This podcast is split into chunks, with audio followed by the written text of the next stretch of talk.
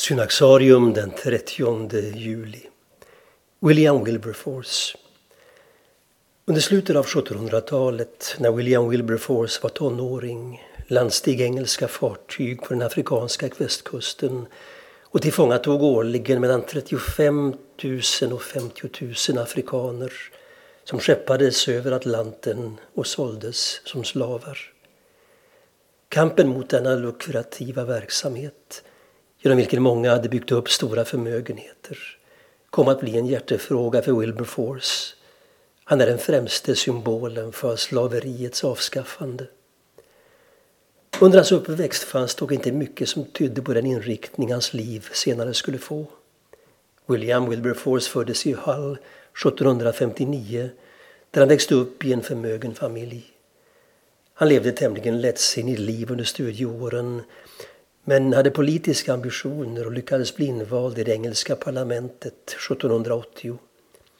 Redan så mycket ung fick han prestigefyllda uppdrag.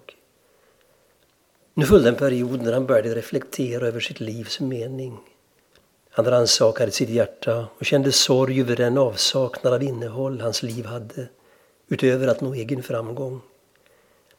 Det ledde till en kris som kulminerade i en andlig nyfödelse under påsken 1786.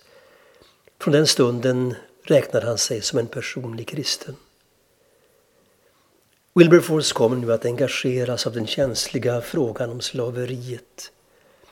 Redan 1787 lade han fram en första motion i parlamentet som syftade till slaveriets avskaffande men denna röstades omgående ner.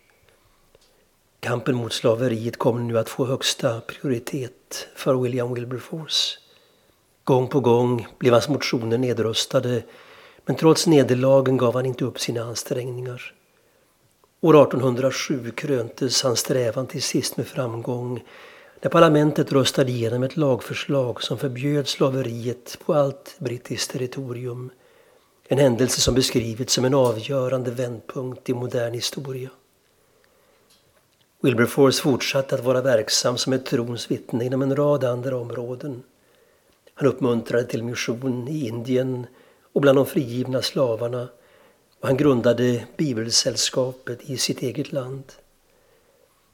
William Wilberforce dog den 29 juli 1833 i en ålder av 73 år.